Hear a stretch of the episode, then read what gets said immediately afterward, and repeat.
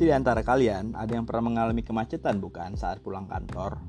Uh, rasanya emosi naik turun sampai kubun-ubun. Sebuah perasaan yang tidak enak bukan?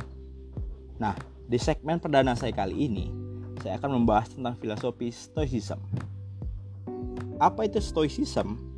Pemikiran yang didirikan oleh Zeno of Cynthia, sebuah filosofi yang tidak berlawanan dengan ideologi yang lain dan cukup relevan pada setiap zaman. Ada tiga nama yang membantu membesarkan dan mempopulerkan pemikiran ini. Ada Seneca sebagai penasihat kaisar Romawi, ada Epictetus sebagai budak, dan ada Marcus Aurelius sebagai kaisar Romawi. Dari tiga nama tersebut, kita bisa tahu bahwa filosofi Stoicism dapat digunakan oleh seluruh kalangan.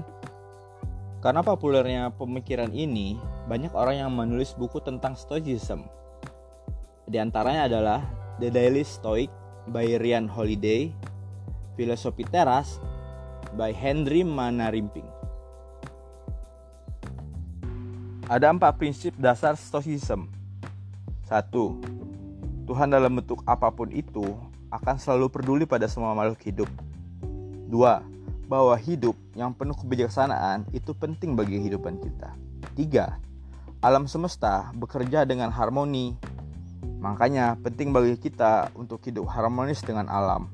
Empat, semua hal yang terjadi itu pasti ada alasannya, diatur oleh kekuatan alam semesta yang maha besar.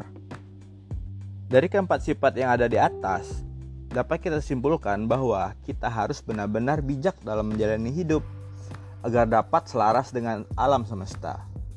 Dan manusia yang bijak akan menggunakan pikiran yang rasional untuk menjadi bijak. Contoh, saat kalian kehilangan barang di jalan, kalian akan marah jika berpikir secara irasional.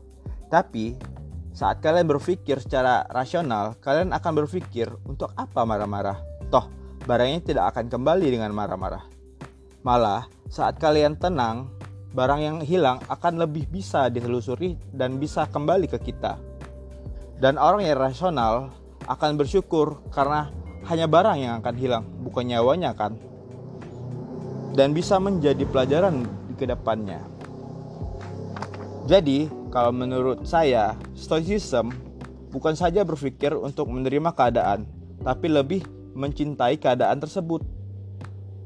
Terima kasih.